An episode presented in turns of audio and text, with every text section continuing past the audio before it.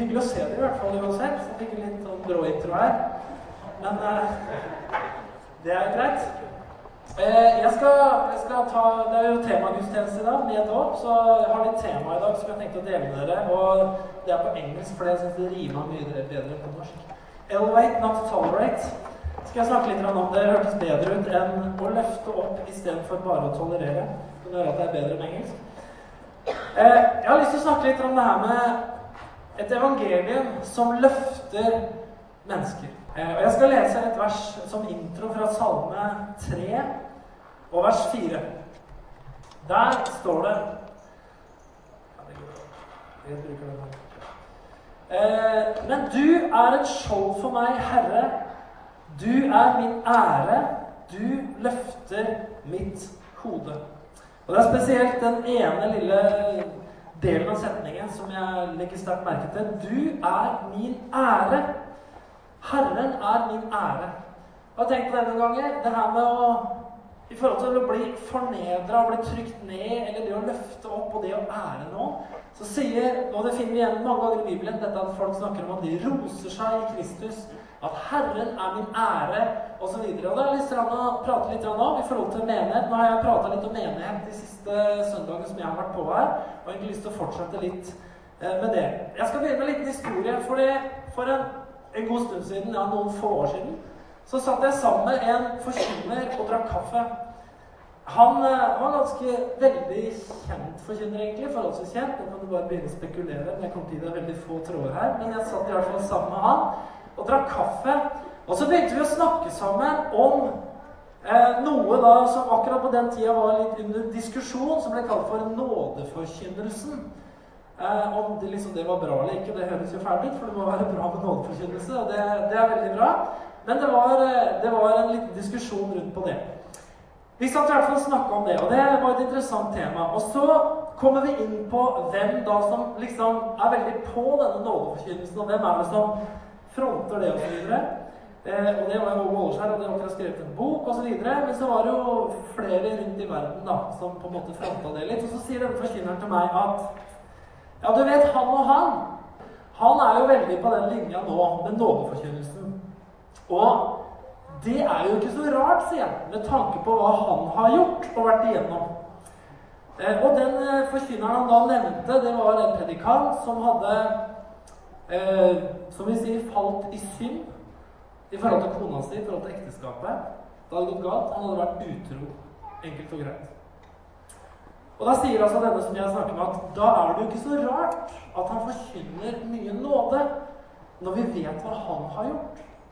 Og det var jo da ikke ment som kompliment i den gata, den som er mye tilgitt, elsker mye osv. Det var jo mer Ja, nå bruker jeg nå liksom den forkynnelsen maks da, for å liksom komme på banen igjen. Og for å liksom bruke nåden veldig, at her er det greit med alt, liksom. Men så enkelt er det jo ikke, lå det under.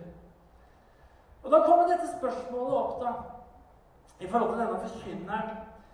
Burde han ha slutta å tjene Gud for alltid? Burde han stå i en livslang tjenestekarantene med bakgrunn i det som hadde skjedd, og som var offisielt bekjent av han selv og bedt om tilgivelse for.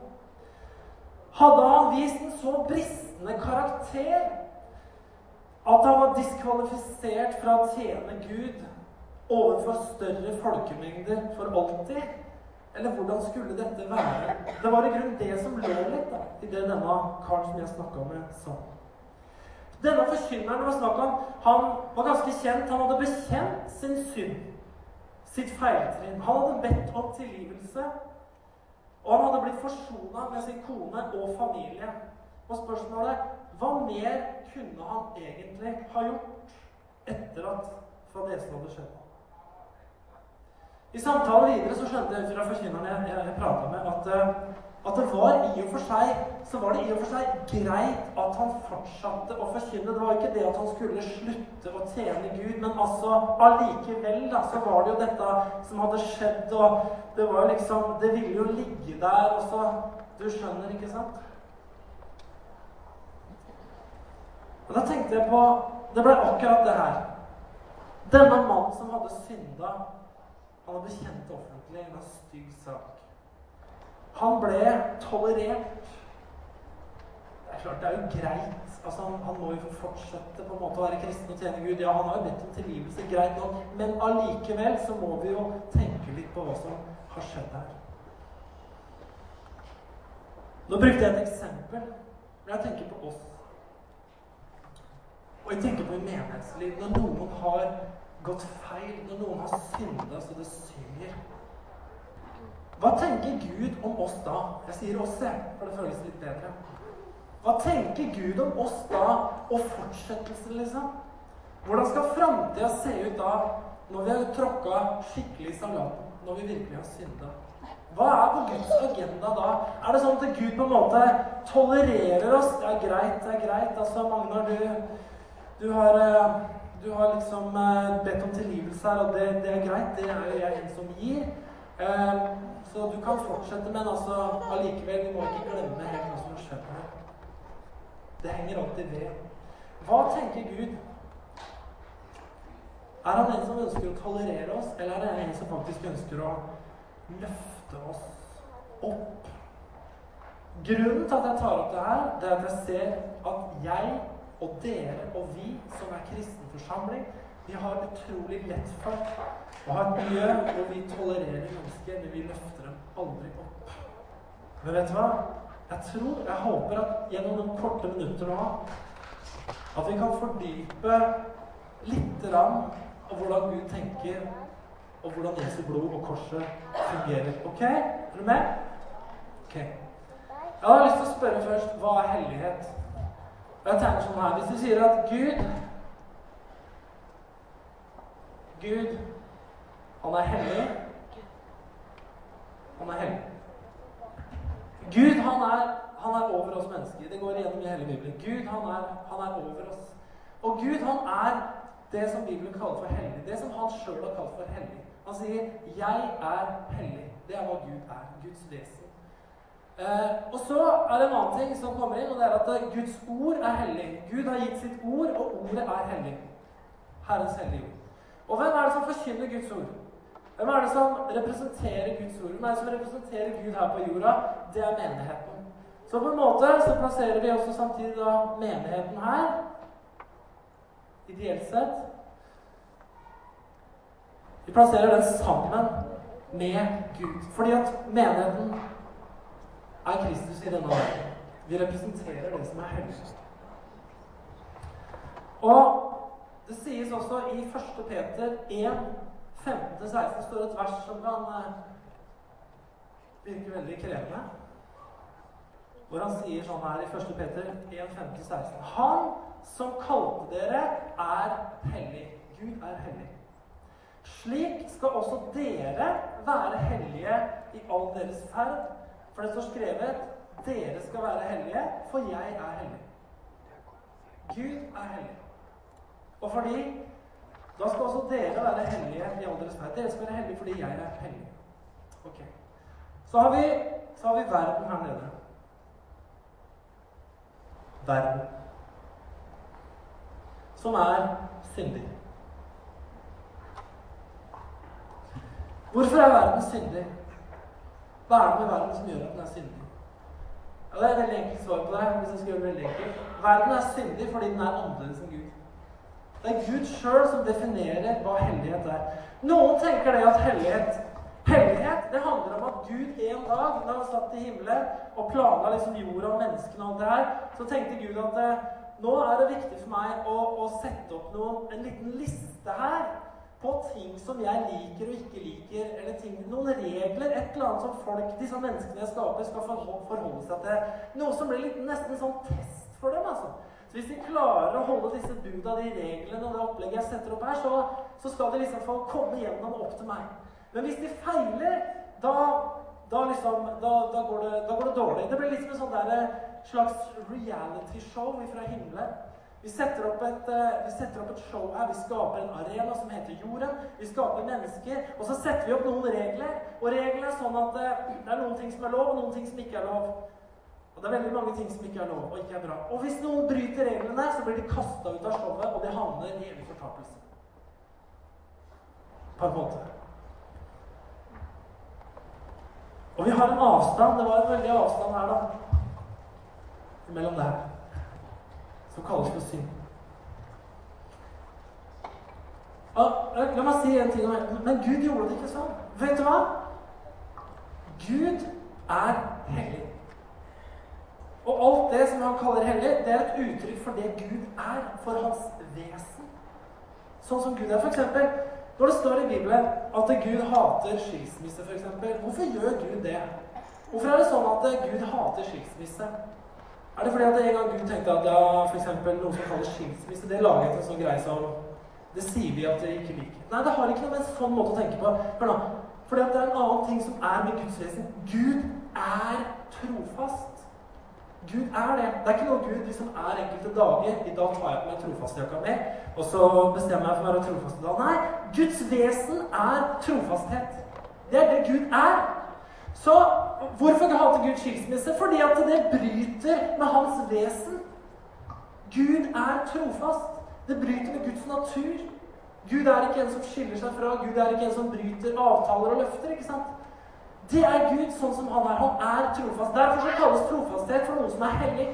Mens det å bryte ekteskapet, det er da noe som Gud hater. Hvorfor det? Fordi det krasjer med hans natur. Dette er ikke meg, sier Gud. Dette krasjer med meg. Da er vi sikkert enige om det. Men det er liksom greit å ta et utgangspunkt i hva er hellighet. Hvis Gud f.eks. sa 'Jeg er vrede', 'Jeg er vrede', da ville vrede vært hellig. Ikke sant? For Gud definerer ut fra sitt vesen hva som er hellig. Nå er ikke Gud vrede, takk og lov. Han kan bli det, men han er det ikke. Det er vi veldig glad for. Hva er Guds løsning egentlig når vi faller? For vet du hva som skjer veldig ofte? Når vi synder, så forlater vi på en måte idealet, og vi detter ned her, da. Tenker vi. Vi føler det. Og så går vi ikke til den enigheten fordi vi på en måte befinner oss her nede. Vi har synda, og vi veit det, og det har gått gærent, og folk veit det, og det har gått gærent. Og vi går ikke til denne menigheten her, for der er alle perfekt og hellig og strøkent og alt det Og så blir det et veldig sånn gap hvor det ikke er plass til syndige mennesker oppi det her. Og sånn opplever vi det veldig mange ganger. Hva er Guds løsning på denne floka her som ingen av oss kunne løse? Det handler om korset. Jeg kunne tenkt meg å spørre Kan alle som har synda her inne, reise seg?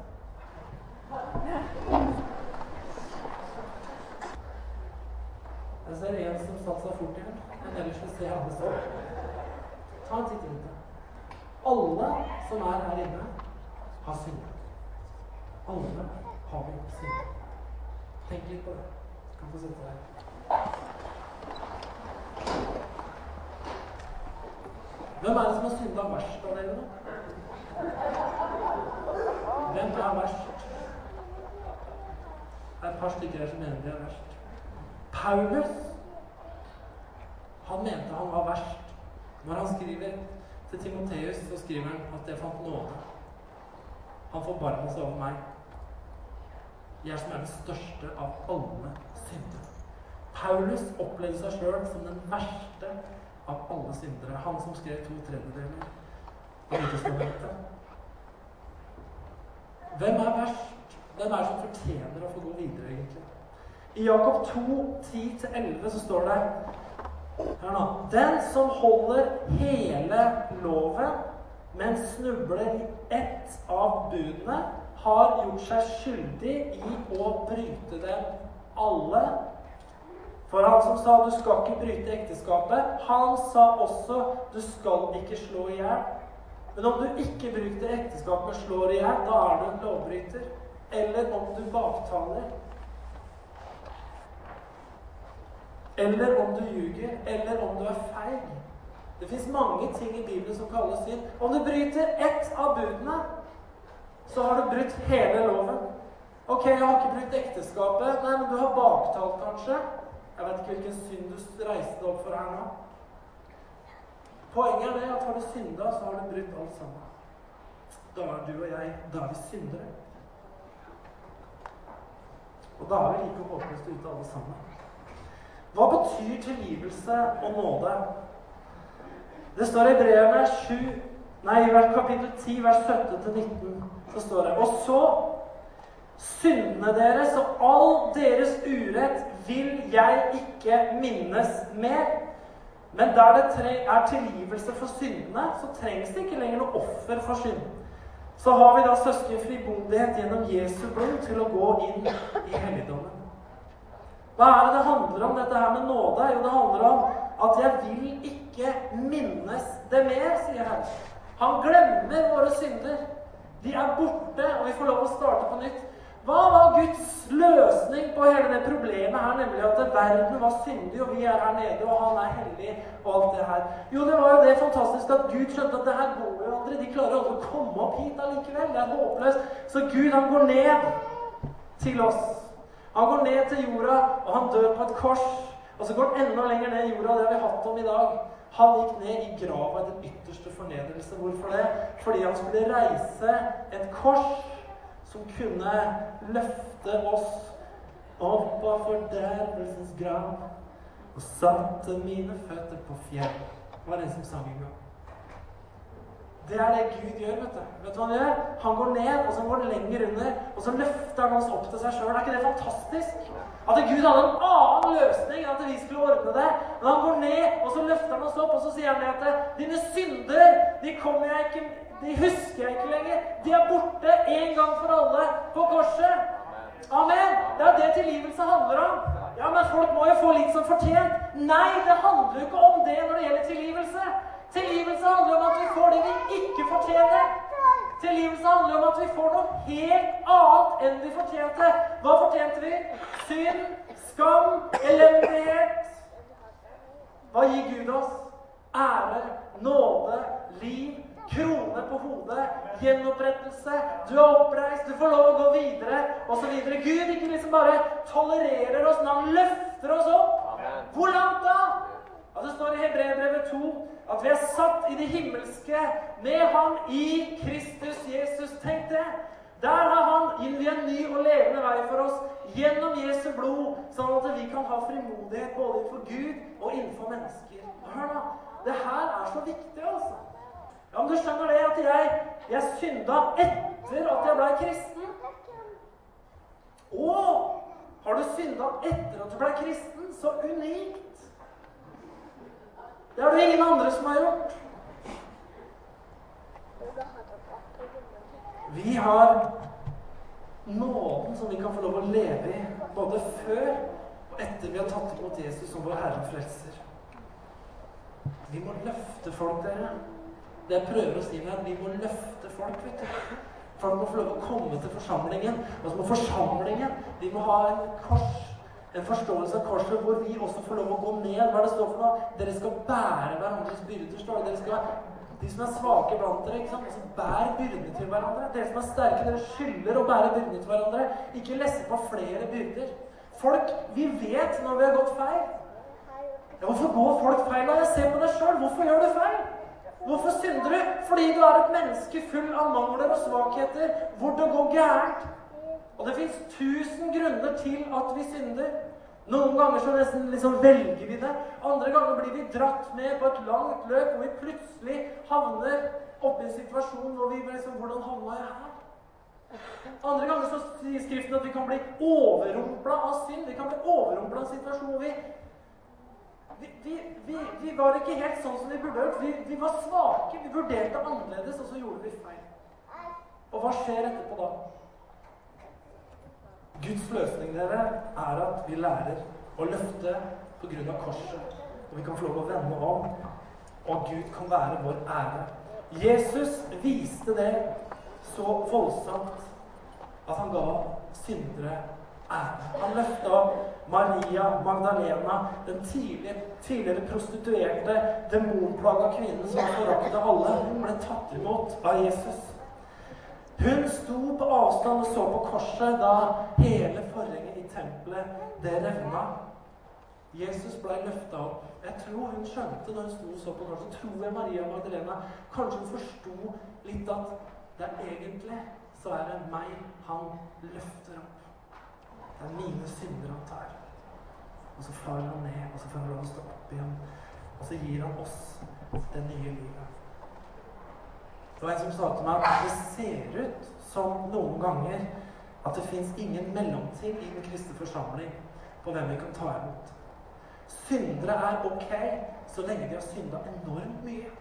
Altså prostituerte, tidligere narkomane, alkoholikere eh, som har vært skilt og liksom gift igjen fem ganger. ikke sant? Alt har vært ødelagt, og relasjonen til barna De har vært helt liksom nede under gateplanen omtrent.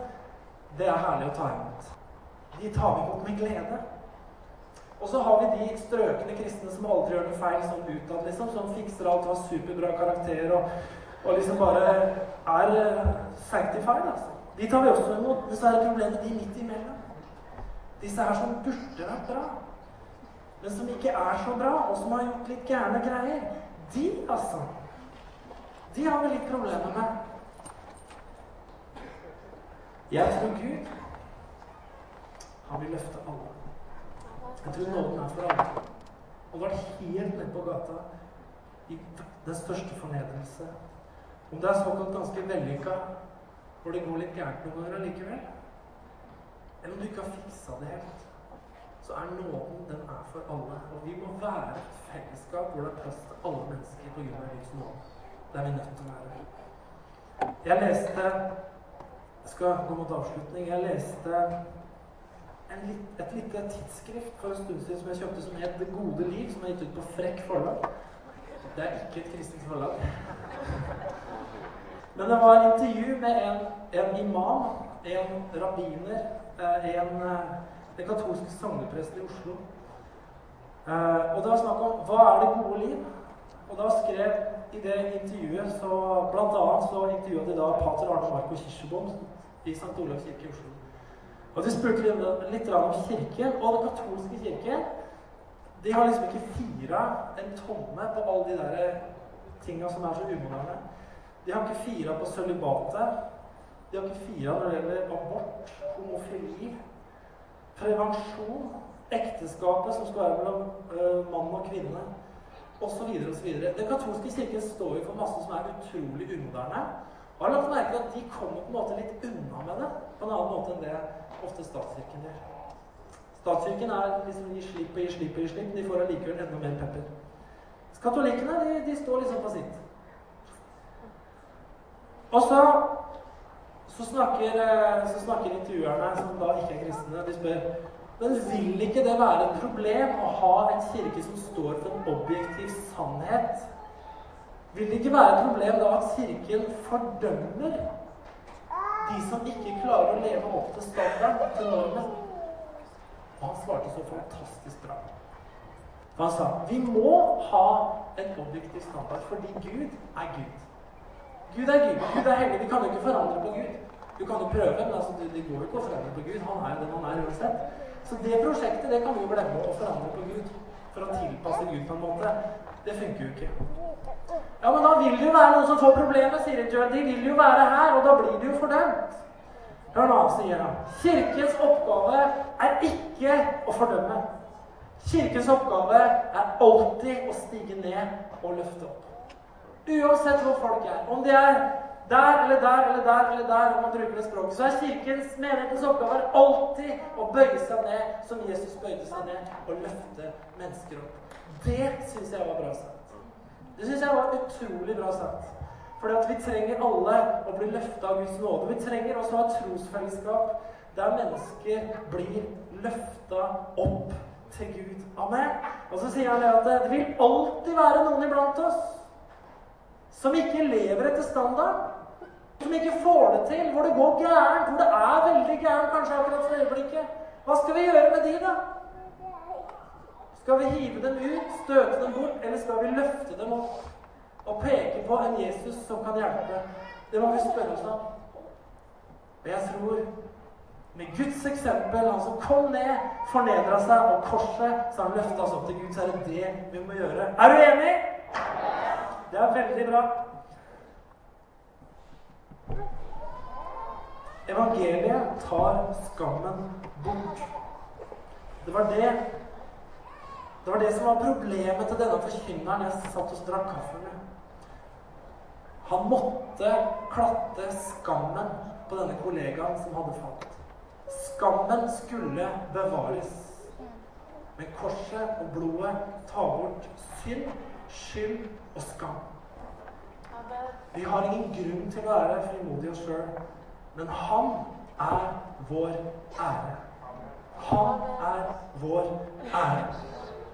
Jeg vil si til alle kristne som har falt, om du er her, om du svikta dine idealer, så fikk din bristende dømmekraft eller karakter eksponert for hele omverdenen. For ditt menighetsmiljø, for din familie, for dine venner. Løft hodet ditt igjen. Det fins en som betalte prisen for at du skulle løfte hodet ditt igjen. Med sitt eget blod. Og som menighet har vi lyst til å si at vi har lyst til å løfte deg. Ikke tråkke på deg. Vi har ikke lyst til å tolerere deg. Vi har lyst til å løfte deg. Vi har alle synda. Noen av oss i det skjulte. Noen av oss har gjort det i full offentlighet. Hva er egentlig forskjellen? For oss alle så er det bare én vei som fungerer, og han heter Jesus. Til alle dere som strever og ikke får det til akkurat nå Gi ikke opp og feste ditt blikk på Gud. Gi ikke opp og tro på livet ditt. Tro på at Gud han er med også deg. Han har nåde også for deg. Han vil løfte deg opp til seg. Det er det eneste Gud vil. Han alltid løfte deg opp til seg. Vi får opp lovsangerne. Takker deg, Herre Jesus, for din nådes kraft, Herre. Vi takker deg, Jesus Kristus, for at når du kom for å ta bort våre synder, Herre, så kom du ikke bare og dekka over dem med et dårlig dekke. Men takk, Herre, at du kom for å ta bort syndene en gang for alle.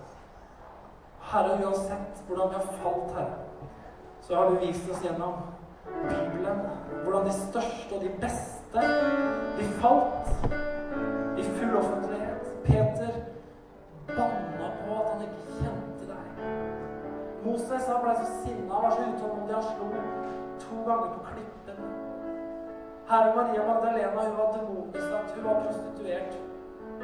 Men Herre, du tok dem alle sammen, og du løfter mennesker, Herre. Vi tar og reiser oss, så skal vi gå mot avslutning igjen. Men jeg, jeg kjente det Jeg har bare lyst til å dele det lille korte budskapet her. Og så har jeg bare lyst til å gjøre sånn akkurat nå at uh, vi kan lukke øynene et lite øyeblikk. Og så har jeg lyst til Det er at uh, jeg tror i formiddag at Gud ønsker at du skal bare kjenne det. At det er nåde. Det er nåde for deg å gå videre. Det er det, det er det evangeliet handler om. Det handler om nåde til å gå videre med hodet løfta og få æren tilbake og skammen vekk. Hvis du er her i formiddag kjenner jeg, jeg har bare lyst til å gi Gud en skikkelig respons på det her, så vil jeg at du skal bare løfte hånda di akkurat nå og si Herre, jeg tar imot den nåden her på en så kraftig måte at jeg tør å gå videre med hele hodet. Mens alle øynene lukka, kan du bare rekke opp hånden din nå. Gud velsigne deg og deg og deg. Her er flere. Mange hender. Og jeg har så lyst til å si Gud velsigne deg. Herren er med deg. Ikke på grunn av ditt fantastiske liv, men på grunn av at Jesus han har gjort det. Av at Jesu blod har forløst nåde til oss alle. Og hør da. du er ikke noe verre enn andre. Sjøl om folk syns det, så har vi alle synda og står uten ære innenfor Gud. Og vi ønsker, det vil jeg bare si, vi må være en forsamling hvor ikke folk rømmer når det går feil. Hvor det fins en nådetankegang hvor vi løfter mennesker så vi kan komme videre. Ja, men de fortjener det ikke. Nei, vi fortjener det ikke. Det er jo hele poenget. Det er derfor Jesus